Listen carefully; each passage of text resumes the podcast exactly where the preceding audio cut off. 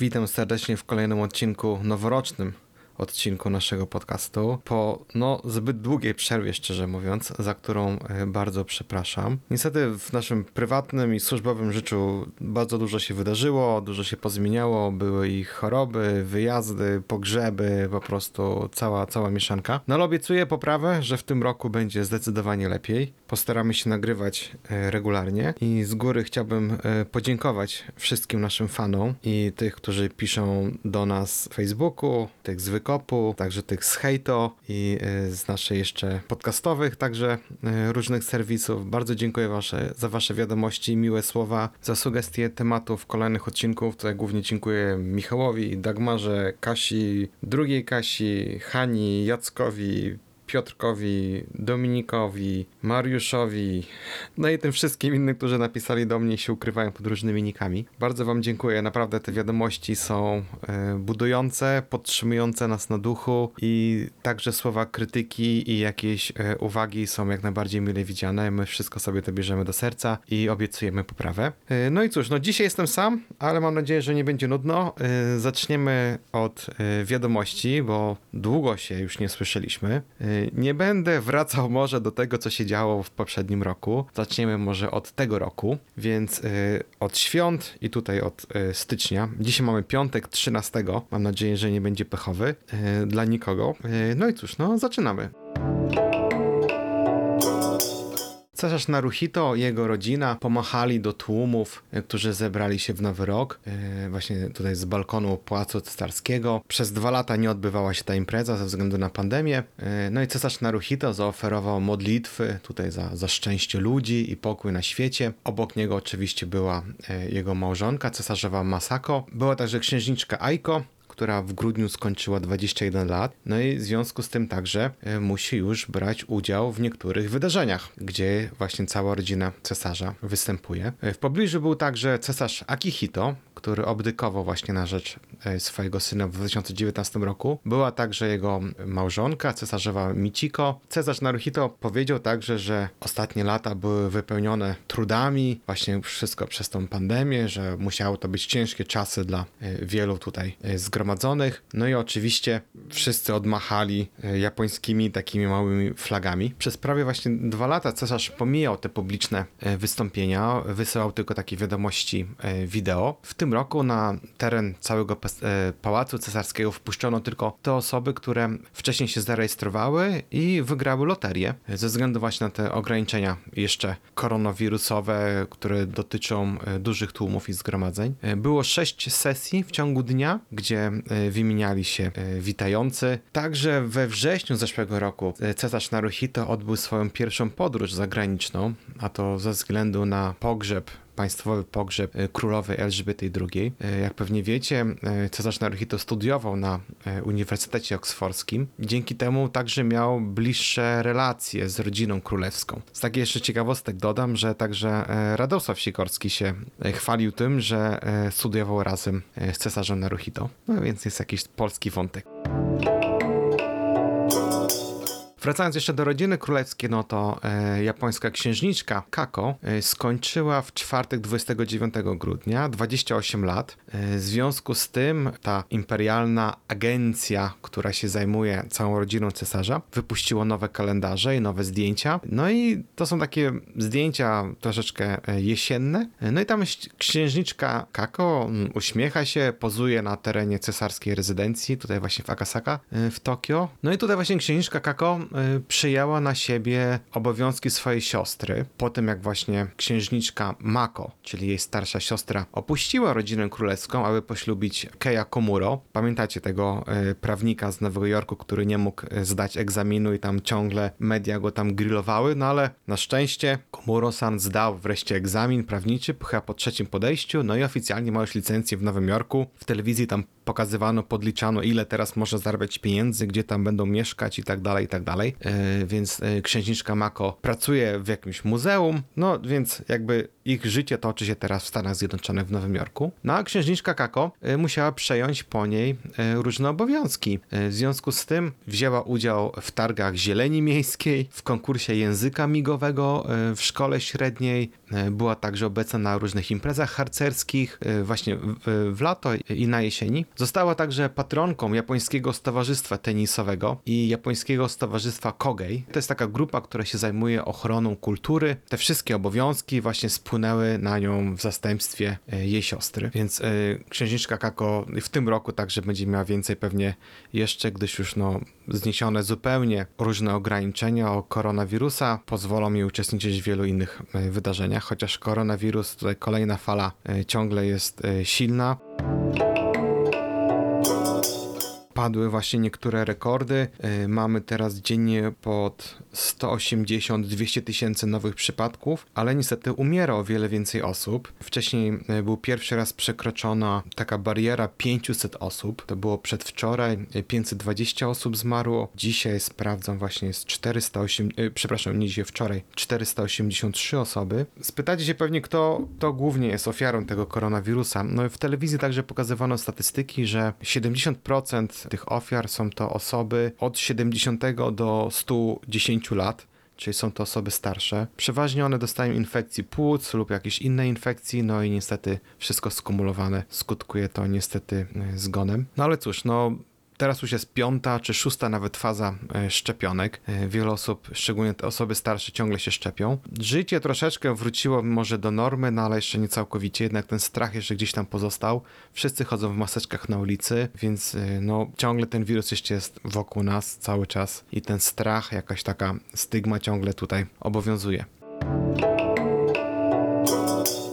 No ale jeszcze wracając jeszcze do obchodów Nowego Roku, e, może tutaj już mówimy troszeczkę o powrocie do normalności. Więc właśnie 4 stycznia była taka długa przerwa na Nowy Rok, więc wszyscy pracownicy 4 stycznia powrócili już do pracy. No i jest tak, że jest taki zwyczaj, że właśnie Nowy Rok w Japonii to jest takie jakieś święta Bożego Narodzenia w Polsce, czy gdzieś za granicą. Wiele osób e, podróżuje, jeździ, odwiedza swoją rodzinę. E, no i dzięki temu właśnie, że troszeczkę złagodzono te ograniczenia, więc wiele osób pierwszy raz wróciło wróciło do, do swoich domów, czy nawet wyjechało gdzieś za granicę na jakąś wycieczkę. E, no ale także wiele osób e, wróciło już normalnie do biur, czyli już praca zdalna troszeczkę się e, skróciła. No ale także wiele osób tradycyjnie idzie także do świątyni, do różnych sanktuariów, świątyń, tych shrine, żeby się pomodlić o sukces gospodarczy, no i pomyślność w nadchodzącym roku. Najbardziej taka znana to jest właśnie Kanda Miodzi w Cioda. Tutaj mówiliśmy o niej, to jest 1300-letnia świątynia, gdzie spoczywają trzy główne bóstwa,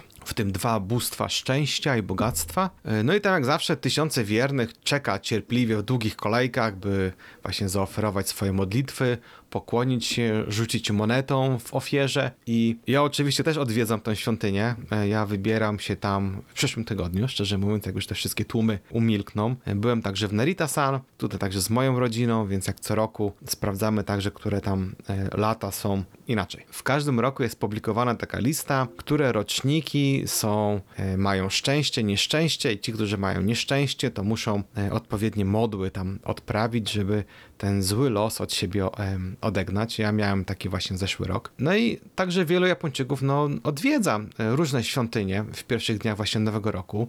Jest to bardzo popularna praktyka. Przeważnie się odwiedza trzy różne świątynie. Niektóre bardzo szybko, tylko po prostu, żeby się pokłonić, pociągnąć za taki sznur i zadzwonić takim tradycyjnym dzwonem. Rzuca się także monetę do takiej specjalnej pojemnika, pudełka, klaszcze trzy razy w dłoń i pokłania i to jest w zasadzie wszystko. W telewizji także pokazywano wielu złodziei, którzy ciągle kradną, jednak okradają te świątynie, no bo jednak to jest mm, okres wzmożony, wiele osób wrzuca tam, przeważnie są to tam po 5 jenów albo po 50 jenów. Część osób wrzuca także na przykład 500 jenów czy 100 jenów. No i wiadomo, złodzieje także czekają na to i w telewizji było nagranie, jak tam w kilku świątyniach w nocy przychodzili po prostu wyrywali te, e, te skarbonki i kradli stąd pieniądze, więc no to także się zdarza. E, no i cóż, no i, no i wszyscy liczą na, na te szczęście, że jednak w tym roku będzie zdecydowanie lepiej. lepiej.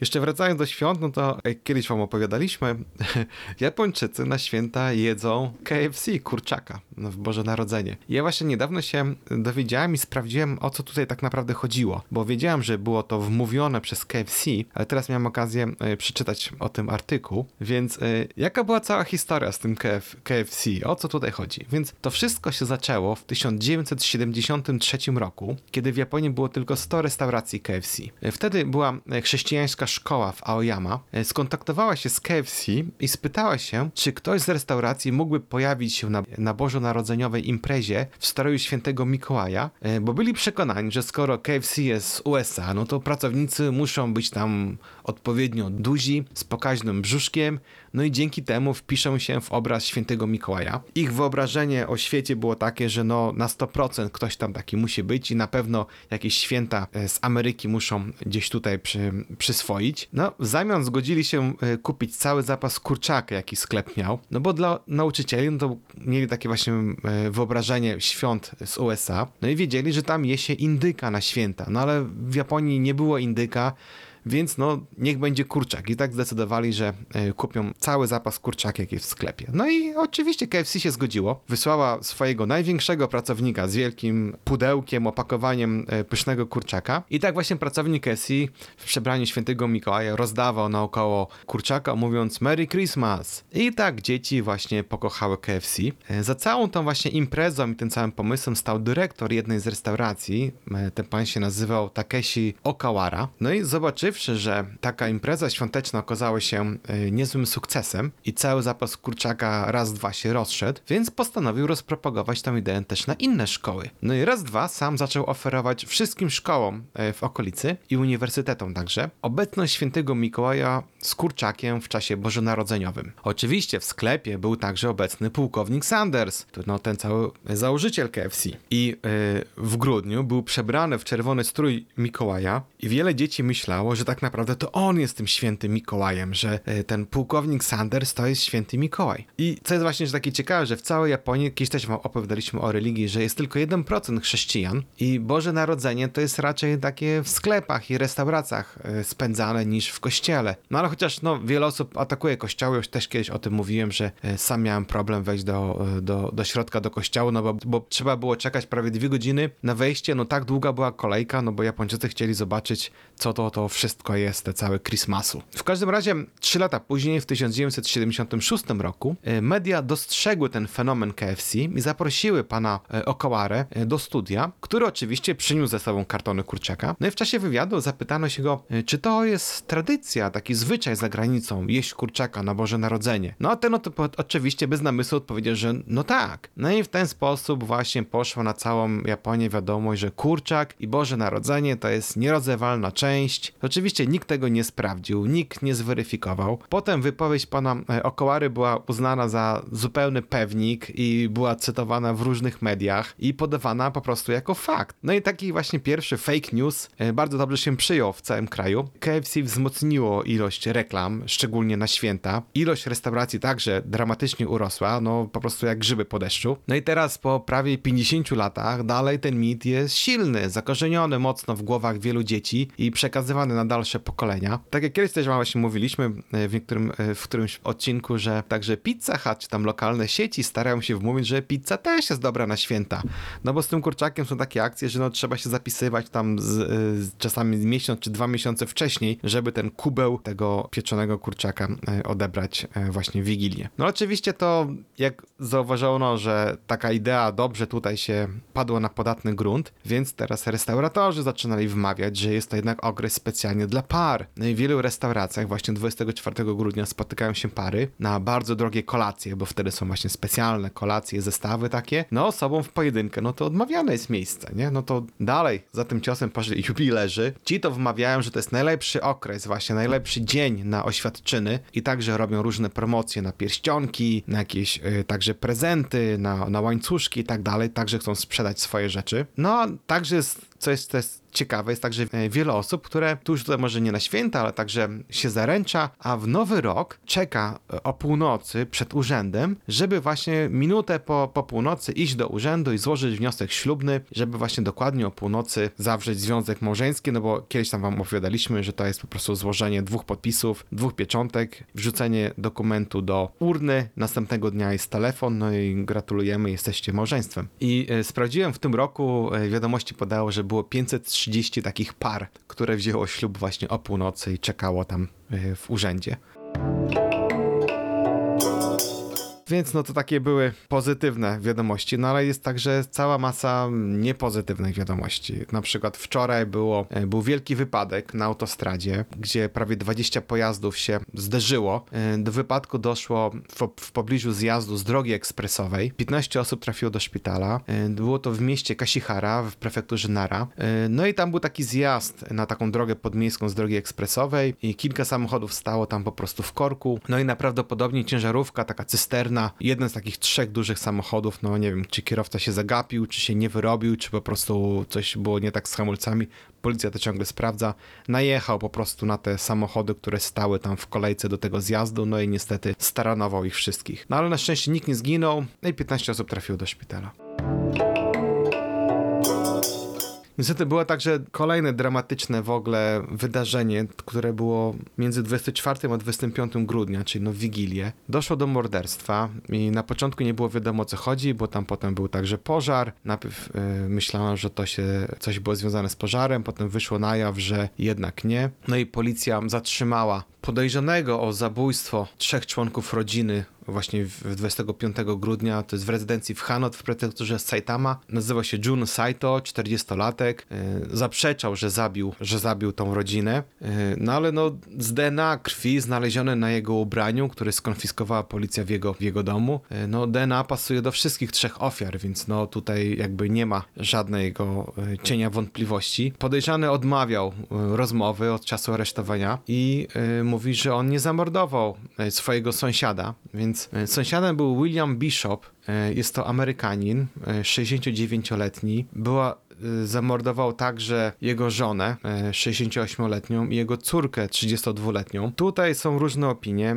Część osób, która go zna, ja go tylko raz spotkałem, szczerze mówiąc, Williama Bishopa, na jakiejś imprezie w, w, w ambasadzie amerykańskiej. Podobno oni się tam kłócili się od jakiegoś dłuższego czasu i on tam jeden i ten Saito, ten Japończyk, nachodził tego Williama Bishopa, porysował mu tam samochód, podobno też tam walił w drzwi. No, generalnie tam była jakaś po prostu niemiła historia, taka sąsiedzka i ja tutaj znam parę takich po prostu akcji, które się tutaj toczą. No, do zwariowanych ludzi jest pełno w koło. No i, y, no i cóż, no i doszło do takiej tragedii, że no jakimś tępym narzędziem y, zaatakował ich wszystkich, no ich po prostu no zamordował. No, no William Bishop, tak jak wspomniałem, miał 69 lat. Y, w Japonii był od lat 70., studiował tutaj na Sofia University. Pracował najpierw jako przedstawiciel handlowy dla stanu Indiana, potem otworzył własną firmę konsultingową tutaj w zakresie właśnie opieki zdrowotnej. No mówił płynnie po japońsku, miał duże tutaj właśnie doświadczenie e, tutaj właśnie w komunikacji, promocji handlu i był także właśnie przewodniczącym komisji do spraw opieki zdrowotnej. To był w tej amerykańskiej izbie handlowej, e,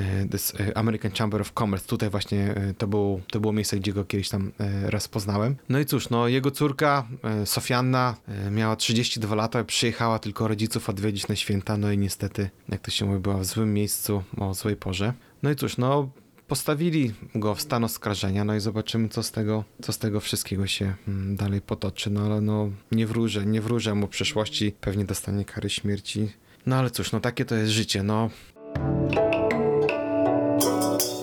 Jeszcze wracając do zabójstwa, no to kolejny, kolejny ten Tetsui Yamagami, ten, który zastrzelił e, premiera Shinzo Abe. E, skończyły się badania psychiatryczne, był w szpitalu na obserwacji, no i stwierdzono, że no jest poczytalny, jest zdrowy, w związku z tym prokuratura dzisiaj właśnie 13 e, stycznia postawi go w, e, akt e, oskarżenia, no i zacznie się cały proces, no i zobaczymy też, gdzie to dalej się potoczy. No i cóż, no życie toczy się dalej tutaj, więc no są mi i miłe, i są mi też i niemiłe, niemiłe wydarzenia. Mam nadzieję, że ten rok będzie zdecydowanie lepszy, że nie będzie jakiejś takiej ponownej powrotu lockdownu, koronawirusów i to wszystko wróci do normalności. Życzę wam także, żeby było zdrowo, spokojnie. Pomodlę się też za was, jak tutaj będę w świątyni. E, No, ten rok jest rokiem królika e, albo zająca, też zależy jak to się przetłumaczy, jak się tam sprawdzi e, do źródeł, to można dojść, że to jest tak naprawdę chyba zając, a nie królik, no ale przyjęło się w tłumaczeniu, że to jest rabbit, więc no, będzie to królik. Więc życzę wam w tym roku królika, aby wam nie zabrakło dobrej, słodkiej marchewki, żeby jednak kicać do przodu, bo ten poprzedni rok tygrysa trochę nam tutaj może rozszarpał,